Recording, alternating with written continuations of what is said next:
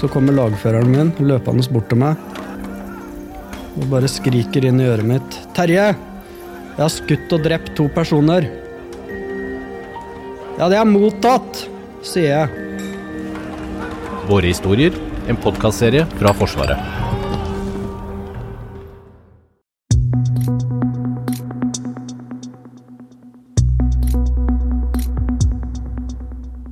I dag kom rapporten etter den interne undersøkelsen om mobbing og seksuell trakassering i Forsvaret. Den såkalte MOST-undersøkelsen.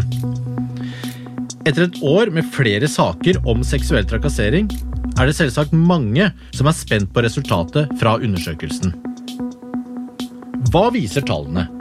Har det blitt noe bedre? Du hører på Forsvarspodden. Jeg heter Lars Hallingstorp. Med oss i studio har vi generalmajor Elisabeth Mikkelsen, som uh, nylig blei tilsatt i en helt nyoppretta stilling, nettopp for å rydde opp i det som har blitt kalt en ukultur i Forsvaret. Men aller først, uh, Kari Røren Strand, du jobber ved Forsvarets forskningsinstitutt og har laget denne rapporten basert på undersøkelsen. Fortell oss om funnene. Ja, dette er tredje gang Forsvaret gjennomfører denne undersøkelsen. Den har gått ut til alle ansatte og menige som har tjenestegjort i minst seks måneder. Det er ca. 11 000 som har svart på denne undersøkelsen. Omtrent halvparten av de som gikk ut. Og vi har undersøkt at de representerer populasjonen godt. Um, denne undersøkelsen bruker jo to spørsmålsbatterier. Ett som kartlegger mobbing, og ett som kartlegger seksuell trakassering. Da kan vi både si noe om omfanget av mobbing og seksuell trakassering, og vi kan si noe om formen på mobbing og seksuell trakassering. Og for mobbing så finner vi at 11% av de ansatte og 24% av de menige har opplevd en eller annen form for mobbing de siste seks måneder. Disse tallene er ganske like det vi fant i 2020. Og på lik linje med det vi har sett i 2020, så betyr kjønn, alder og personellgruppe ganske mye for hvor mye mobbing du har opplevd. Og blant de ansatte så er det de kvinnelige spesialistene eh, og menige som opplever mest og studenter opplever mest mobbing. Og de mannlige offiserene minst. Blant de ansatte så ser vi at det er personrelatert mobbing, altså mobbing som går på deg som person. Og det vi kaller utestenging, som er om du har blitt utestengt for, for arbeidsoppgaver eller, eller annet. Eh, som er de tingene som flest rapporterer å ha opplevd. Når vi ser på de unge, altså de menige, så er det mest dette som går på person. Og det er i hovedsak eh, kollega eller leder som mobber. Menn mobbes mer av leder enn kvinner. Og all hovedsak av mobbingen foregår på arbeidsplassen. Um, noe mer mobbing i fritiden for de som er i førstegangstjeneste. Noe som er naturlig fordi skillet mellom jobb og fritid er svakere for den gruppen. Hvis vi flytter oss til uh, seksuell trakassering, uh, så er det sånn at 19% av de ansatte og 34% av de menige har opplevd en eller annen form for seksuell trakassering det siste året. Eh, for seksuell trakassering så kan det være en enkelthendelse. Det er sånn man måler eh, seksuell trakassering, både i denne undersøkelsen, men også forskningsfeltet. Og det er sånn at Kvinner opplever betydelig mer seksuell trakassering enn menn. Og igjen så er det de yngre som opplever mer enn de eldre. For eksempel så har 41% av de kvinnelige ansatte opplevd seksuell trakassering, mot 19% av menn. da så måler vi fire former for seksuell trakassering. Vi måler kjønnstrakassering, vi måler uønsket seksuell oppmerksomhet, seksuelt press og seksuelt overgrep. Ikke alle undersøkelser som måler seksuell trakassering, måler f.eks. kjønnstrakassering. Kan du fortelle oss hva, er, hva defineres som kjønnstrakassering? Ja, eh, Det er i hovedsak om man som kvinne eller mann får bemerkninger på at man ikke passer til å gjøre en type oppgave eh, pga. sitt kjønn. Eh, og også i denne undersøkelsen så faller eh, det som går på språkbruk inn under kjønnstrakassering. Men vi ser at kjønnstrakassering og uønsket seksuell oppmerksomhet det foregår ofte samtidig. Men det er kjønnstrakassering de fleste opplever. Men veldig tett eh, etterfulgt av uønsket seksuell oppmerksomhet. Og Det siste året så har omtrent halvparten av de kvinnelige menige, studenter og spesialister, men også kvinnelige unge offiserer, opplevd kjønnstrakassering. Og nesten 40% har opplevd uønsket seksuell oppmerksomhet. Og Hvis vi skal sammenligne mot den gruppen som har opplevd minst i Forsvaret, så er det sivile menn, og de opplever omtrent sånn 4 Eh, men det er en god nyhet her, da, og det er at vi ser en nedgang i forekomsten av seksuell trakassering blant kvinnelige menige sammenlignet med tallene fra 2020. Eh, og den nedgangen den er på 13 prosentpoeng. Eh, og den endringen den skjer hovedsakelig innenfor formen kjønnstrakassering. For de ansatte, så hvis de ser på tallene, sånn overordna tall for seksuell trakassering, så er de omtrent ganske like som i 2020. Men hvis vi dykker litt ned bak tallene, så ser vi at eh, det er flere unge kvinner som opplever uønsket seksuell oppmerksomhet. Um, og det er det jo verdt å, at Forsvaret har litt fokus på. At disse unge menneskene, de unge kvinnene, som er i, altså militært unge kvinner, de sivile unge kvinnene, opplever ikke det i samme grad. da. At, eh, men dette er liksom likt med ting man ser i samfunnet. Andre som måler seksuell trakassering systematisk og har gjort det over tid, sånn som f.eks. levekårsundersøkelsen, eh, ser også en sånn gradvis økning i, i uh, unge kvinner som rapporterer uh, på uønsket seksuell oppmerksomhet. Og hva det skyldes, om flere blir utsatt for uønsket seksuell oppmerksomhet, eller om det er uh, at kunnskapen om hva seksuell trakassering er for noe, eller altså metoo-effekter, det er litt vanskelig å si. Eh, jeg kan også si noe om varsling, for det har vi dekket mye bedre i denne undersøkelsen enn vi har gjort tidligere. Og vi vet nå at liksom flertallet av respondentene svarer at de vet, eh, no, vet, hvordan man skal varsle i Forsvaret. Men allikevel så ble det bare varsla i 38% av mobbehendelsene og 21 av seksuell trakasseringshendelsene. Um, og det som er nytt av denne undersøkelsen, er at vi kan følge alle hendelsene og måle og spørre direkte på hver enkelt hendelse om de har varsla, da. Men så varsles det oftere på de eh, virkelig grove tingene som seksuelt press og seksuelt overgrep. Men allikevel, 24% av menige og studenter, det er også da de yngste, har opplevd en eller annen form for mobbing de siste seks månedene. Det høres jo utrolig mange ut. Ja, det gjør jo det. Eh, men hvis vi sammenligner, altså mobbing kan du egentlig sammenligne mot, andre undersøkelser. For det er eh, er en norsk forskningsgruppe i Bergen som har utvikla et spørsmålsbatteri som er ganske likt eh, det, det vi bruker. Eh, hvor man måler på en rekke hendelser der også, og de avdekker sånn 15% At tallene ligger rundt sånn 15% i norsk arbeidsliv, da. Så kanskje ville sagt at det lå omtrent som i norsk arbeidsliv, litt høyere for de unge. Men når det gjelder seksuell trakassering, hvordan, hvordan er det å, for de unge der ute? Ja, en studentundersøkelser og, og, tilsvarende viser jo at tallene er høye blant unge i samfunnet generelt. Eh, vi holder jo også på med annen type forskning. Vi har vært eh, i førstegangstjenesten og på rekruttskolen på Madla. Eh, der har vi i år for første gang målt hva de kommer inn i Forsvaret med. Hva har du opplevd det siste året? ja, da har de enten jobbet eller vært i skole. Da. Vi har ikke spurt eh, sånn direkte, men det siste året. Og da er tallene Da kommer de inn med sånn at 80% av de kvinnelige har eh, opplevd seksuell trakassering det siste året i en eller annen form eh, før de kommer inn i førstegangstjenesten. Og tallet er ganske høyt for menn nå. 60% av mennene rapporterer det samme. Før de er inne i førstegangstjeneste? Før de er inne i førstegangstjeneste. Og så måler vi jo da hva de har opplevd etter åtte uker i førstegangstjeneste. Og da er tallene? Ja, da er tallene uh, halvert, tror jeg. Kan du si noe mer overordnet av hva som har endra seg i positiv eller negativ retning?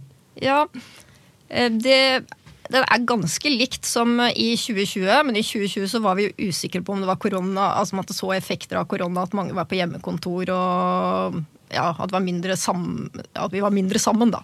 Eh, men, så det er jo egentlig positivt at det i hvert fall ikke går opp igjen. Eh, men om den nedgangen vi målte i 2020 kanskje var kunstig lav, at det har gått mer sånn sakte og sikkert nedover, det, det finner vi jo ikke ut av. da. Eh, men det positive her er jo at blant de men, kvinnelige menige, som var en gruppe som har, ja, som har kanskje den høyeste forekomsten, da, eh, de, der har man jo en nedgang nå. Det er hovedsakelig innen kjønnstrakassering, og det syns jo personlig er ganske gledelig at når man skal ha kvinner og menn i Forsvaret, at de er inne på like linje, og at man slipper å høre at man ikke passer til en oppgave fordi man har et kjønn. Eh, så har vi også spurt om eh, de lederne som har personalansvar, om de har fått opplæring i eh, hvordan håndtere varslingssaker. Eh, og det har syv av ti fått. Og så har vi spurt om hva slags opplæring de har fått, og det er veldig varierende. Og her syns vi at det er liksom litt lavthengende frukt for Forsvaret å sette dette litt mer i systemet, at det er litt likere eh, opplæring det enkelte leder får. Kan du si noe om selve undersøkelsen? Altså hvem som har laget den, og hvem som har skrevet rapporten? Ja, den har vi laget på FFI sammen med professor Kari Fasting, og tidligere ansatt ved Norges idrettshøgskole. Er en internasjonal ekspert innen fagfeltet seksuell trakassering i idretten. Eh, vi har jobba sammen på dette siden 2015. Eh, og disse spørsmålsbatteriene har jo da utviklet seg over tid. Og nå har vi jo testa de tre ganger i et så stort utvalg som det Forsvaret er, da. Med å ha hatt rundt 10 000 respondenter tre ganger. Så det begynner å bli en ganske solid undersøkelse med et godt tallmateriale bak. Det tenker jeg i hovedsak er resultatene fra årets undersøkelse. Ja, Kjempebra. Flott. Elisabeth eh, Mikkelsen, Forsvaret har altså pekt ut deg på et generalnivå til å rydde opp. Hva er planen din? For det første så er jo jeg en, eh, en, konkret handling for å vise at vi både skjønner alvoret og tatt eierskap til problemet. Det har jo vært undersøkt nå over flere år hvordan denne situasjonen er. Det er iverksatt mange tiltak. Mange av de sikkert hatt veldig god effekt, kanskje andre ikke. Problemet har vært litt at eh, det har ikke vært eh, samla. Det har ikke vært eh, kobla i hverandre, og det har ikke vært fulgt opp godt nok. Oppdraget mitt vil da være å egentlig ta, ta egentlig tak i alle ender. Bruke forskninga og finne ut av hva gjør vi nå. Så har vi kjørt en eh, oppdragsanalyse. Hva slags problem er det egentlig vi skal fikse? For jeg opplever at mobbing og seksuell trakassering kanskje ikke er Det er et symptom på noe. Eh, oppdragsanalysen eh, har leda oss til at kjernen i det vi skal utvikle da, for å komme ut av disse problemene, er den militære profesjonen. Forsvaret må jo ikke miste av syne hva vi skal gjøre, så samfunnsoppdraget vårt må stå i kjernen av dette her. Det vil ikke ekskludere de sivile, det vil inkludere alle som er en del av dette laget.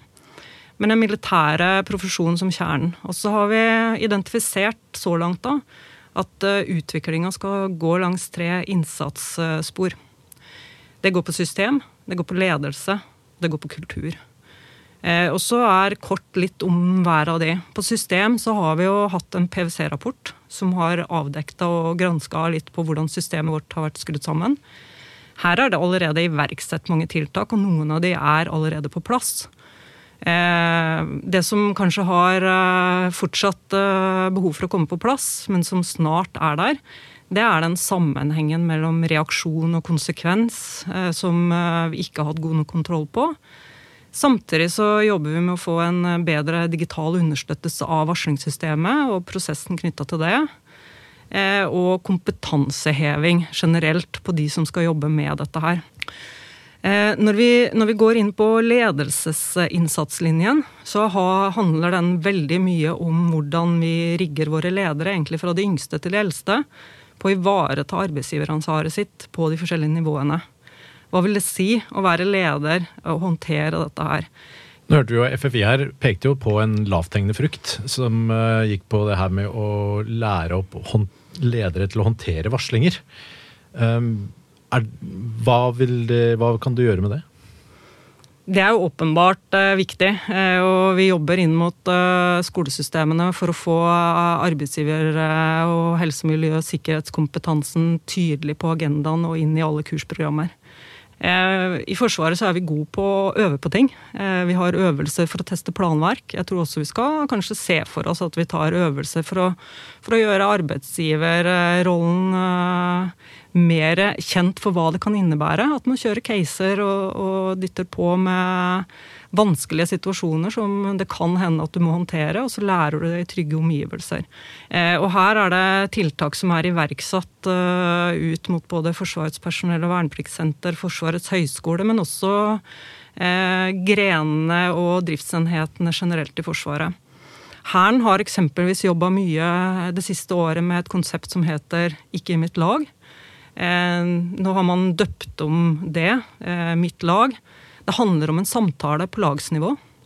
Eh, og et konsept da, som vil rulles ut tilpassa de forskjellige driftsenhetene og deres behov. som sørger for at vi får kompetanse knytta til hvordan samtalene skal gjøres, for å skape denne trygge arenaen der man snakker tydelig om hva slags grenser forskjellige har. Og en trygghet og en tillit i laget på at man står sammen. Sånn at ikke folk skal oppleve denne utryggheten som egentlig mobbing og seksuell trakassering gir. Og Så kommer vi videre på det med kultur. Jeg, jeg, vil hevde, og jeg er jo ingen forsker, så jeg skal ikke dokumentere det på, på det, men sånn som jeg har forstått det, da, så har jo veldig mye av forskninga avdekka eh, at kvinner i mye større grad har vært utsatt for både mobbing, trakassering. Samtidig så har også forskninga stadfesta at mannsdominansen i Forsvaret er jo der. Det er jo ikke en overraskelse. Men vi har også det de kaller en sånn manns... Eller en hegemonisk maskulin kultur. Heller ikke så rart med en eh, profesjon som Forsvaret. Men når, når det blir dominansen, så blir det det som, eh, det som er ditt eh, behov for økt bevissthet rundt. da. Det er at maskulinitet og femininitet, det har vi alle i oss. Men det blir gjerne kobla til kjønn. Og det er jo en sånn feilkobling som gjør at automatisk, ubevisst, så blir mannen eh, normen. Eh, og det i seg sjøl, tror jeg, da, er grobunn for en del av kjønnstrakasseringa i vårt system. Eh, veldig mye av det tror jeg vi kan eh, komme til livs ved å skape større bevissthet rundt hva kjønnstrakassering er, og hvordan det foregår. Nå er det ikke sånn at det bare foregår i, i Forsvaret. Eksempelvis fra, fra, helsevesenet så er det jo veldig stort fokus uh, på at uh, ja, når det kommer inn en mann og en kvinne i rommet, og det er uh, kvinna som er overlegen og mannen som er sykepleier, så er man forutinntatt. Man tror ikke det er sånn. Og dette er sånne ubevisste fordommer som egentlig ligger i oss alle, som vi må gå i oss sjøl for, for, å avdekke litt i dybden, men også som vi må snakke om for å gjøre oss bevisst. Men kulturutvikling handler jo om mye. Eh, hva slags, eh, hvem er vi, og hva står vi for? Og når vi ser på de hendelsene som blir lagt frem i, i media, så er det jo ingen som sier at sånn ønsker vi ha det hos oss. Det er heller ingen, sjøl om tallene er høye, som sier at jeg er en kjønnstrakasserer og stolt av det. Det er jo liksom den bevisstheten vil gjøre at eh, jeg er helt overbevist om at eh, vi skal vinne eh, kampen mot en del av dette her. Men det handler ikke bare om Forsvaret, det handler om samfunnet også rundt oss. Så jeg tror vi kan være en, en drahjelp i en utvikling som kan være god for oss og samfunnet vårt.